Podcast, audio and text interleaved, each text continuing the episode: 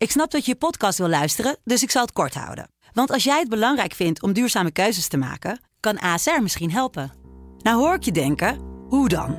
Nou, bijvoorbeeld bij het duurzaam herstellen van schade. Of de premies die we beleggen volgens ons duurzaam beleggingsbeleid. Dat bepaalt waar we wel en juist niet in investeren.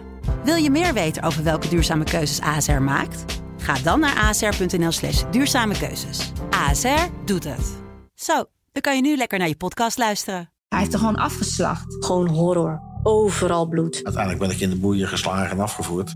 Elke acht tot tien dagen wordt er in Nederland een vrouw gedood door haar partner of ex-partner. Als ze niet zou doen wat hij uh, wilde, dan was hij de godvader. Dat zei hij letterlijk. Vrouwenmoord is een groot onderschat probleem in Nederland. En toch lijkt er weinig te veranderen. Het is niet sexy, je scoort er niet mee. Ik zei, ik moet eerst dood voordat jullie mij snappen. Echt waar. Het is vaak niet eens onwil bij de politie, maar onwetendheid. En dat is vele malen erger. In een nieuwe podcastserie van de Telegraaf onderzoek ik, Saskia Belleman, waarom het zo vaak misgaat achter de voordeur en hoe het beter kan. Want ja, wie is de volgende? Als om de acht dagen iemand wordt vermoord.